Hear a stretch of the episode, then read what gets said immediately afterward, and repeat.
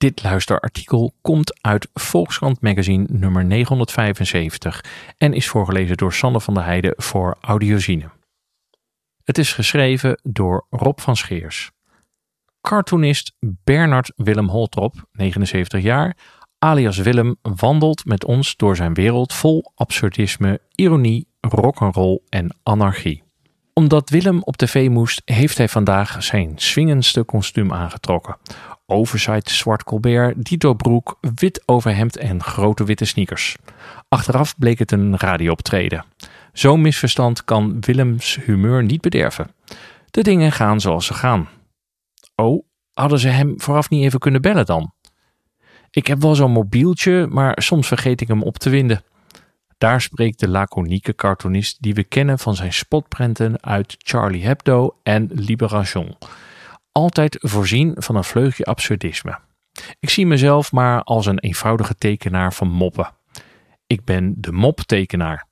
Maar het is wel een mooi wapen hoor. Met een tekening kun je een idee aan de wereld opdringen.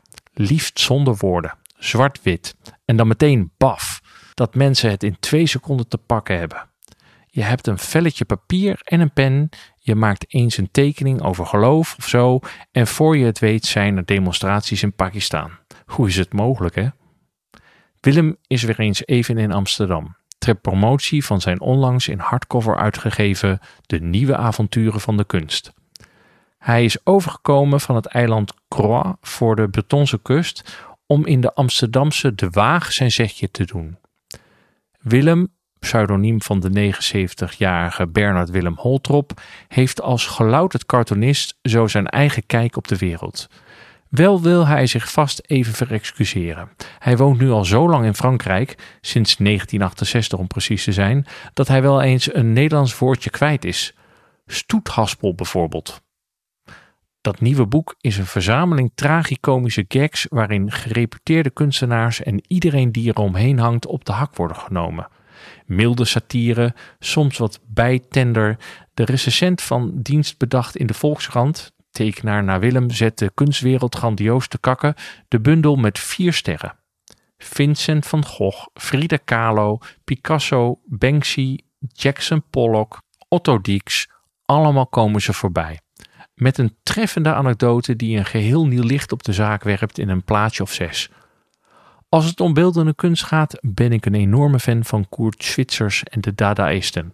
Vanwege de chaos die ze wisten te creëren, de rotzooi die ze schopten, alle vaste waarden omvergekegeld. Het enige juiste antwoord op de gekte van de Eerste Wereldoorlog. Willems kijk op de kunst is een van de onderwerpen die vanmiddag ter tafel komen. Maar hij mag ons ook graag langs wat andere uithoeken van zijn particuliere universum gidsen. Kunstvorm ironie. Een bijna verloren kunstvorm. Ironie wordt vaak niet meer begrepen. Hè? De mensen zijn veel te ernstig geworden. De scherts, de omdraaiing, ze nemen alles op het eerste gezicht voor waar aan. Laatst ben ik ook weer aangeklaagd voor haatzaaien. Het ging om een tekeningetje over Israël en Palestijnen en Druzen. Hij had schaalders op. Ik stuur gewoon elke dag mijn dingen op naar de kranten en tijdschriften waarvoor ik werk en dan zien ze maar. Van ieder idee lever ik altijd twee variaties. Zij mogen kiezen. Dan heb ik verder geen gezeur aan mijn hoofd. Voor een cartoonist lijkt iemand als Trump een cadeautje, maar eigenlijk is hij te makkelijk. Iedereen tekent hem al met een grote mond, die gekke kuif en als een lelijke dikke man. Geen eer meer aan te behalen. Idem voor president Macron. Maar vergis je niet, hè? Na de rel om een spotprint over Trump met Netanyahu als diens blinde geleidehond besloot de New York Times in de zomer van 2019 te stoppen met politieke cartoons. Over ironie als verloren kunstvorm gesproken. Blijkbaar zien ze cartoonisten daar inmiddels als een stelletje losgeslagen, onhandelbare idioten. Nu zeggen ze vooraf precies wat voor illustraties ze willen hebben. Tijdschrift Charlie Hebdo. Het satirische maandblad Harakiri, gelanceerd in 1960, was de voorloper van Charlie Hebdo. Voor dit blad werkte de fine fleur van de Parijse cartoonisten. Harakiri was politiek zo spraakmakend dat het een paar keer werd verboden. Ik leerde in Parijs al die mensen kennen en je voelde je echt welkom. Ze waren allerhartelijkst, zoals tekenaar Maurice Sinet, pseudoniem Ciné en multikunstenaar Roland Topor. In 1969 zeiden ze: We gaan nu een weekblad maken, Charlie Hebdo. Je kunt een pagina per week krijgen. Doe je mee? Al in de derde week dacht ik: Jezus, waar ben ik aan begonnen? Maar ja, ik moest ook de nieuwe woonruimte kunnen betalen. Doorzetten dus. Na die moordpartij van 7 januari 2015 ging het abonneebestand van Charlie Hebdo bij wijze van steunbetuiging enorm omhoog. We zaten op iets van 300.000 exemplaren. Maar toen kregen de mensen het blaadje in huis en dachten ze: Echt, zie, wat is dit nou? Haha.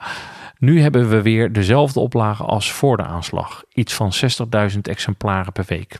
Al houd ik mij daar verder niet zo mee bezig. Boek Oude Testament.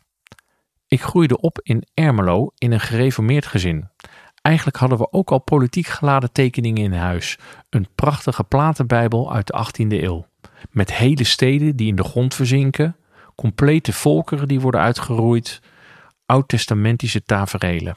Heel nauwkeurige gravures, vol oog voor detail. Daar smulde ik van. Alles wat ze in de islamisten nu kwalijk nemen, is in het Oude Testament al lang gebeurd. Vrouwen werden gestenigd, handen afgehakt. Je vraagt je af, maakt de mensheid eigenlijk wel progressie? Ook hadden we kalenders met kunstreproducties. Werken van Jan Steen, Jeroen Bos, die hing ik op in mijn jongenskamer. Dat waren mijn posters, zo gezegd. En strips natuurlijk. Ik behoor denk ik tot de laatste generatie die is opgegroeid met de avonturen van kapitein Rob en de lotgevallen van de particuliere detective Dick Bos. Tekenaar Willem van Malsen. Het gekke van ouder worden is, je ziet veel van je tijdgenoten wegvallen. Vorig jaar augustus was ik weer eens in Amsterdam en maakte mijn vaste rondje. De cafés aan het Spui en even langs bij Scheltema. Maar ik trof niemand meer aan die ik kende. Was iedereen nu dood of gewoon op vakantie? Iemand die ik mis is mijn goede vriend Willem van Malsen. Ook een Parijsganger, Willem. Hij maakte mooie kleine tekeningen en illustraties in de Haagse Post van destijds. Wat ik zo goed aan hem vond was dat hij telkens weer iets nieuws probeerde. Hij was een soort uitvinder. Hij had rijk kunnen worden met zijn geschilderde miniatuur op hout. Dat liep als een trein.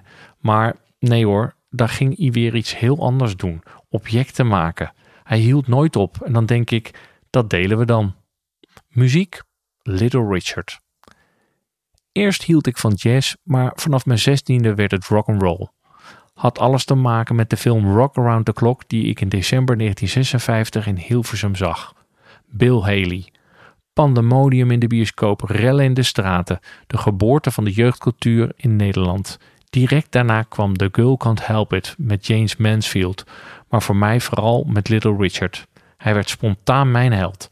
De gekste van allemaal met zijn opzwepende tutti frutti. Babaloobab, a wap bam boom. Die liefde is nooit meer voorbij gegaan. Chuck Berry, Jerry Lee Lewis, Bo Diddley, dat soort werk.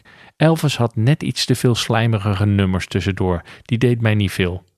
Waar ik ook van hou is het zingen in de cafés van Dublin en Belfast. Die Ierse singalongs, prachtig. Ik bespeel zelf geen instrument, maar dan kan ik aardig meekomen. Bijzondere plek, Ruggen. Niet omwille van de schoonheid, maar juist om het megalomane karakter ervan. Ruggen, een eiland in het voormalige Oost-Duitsland aan de Oostzee. Daar staat een 4,5 kilometer lang flatgebouw uit de tijd van Hitler.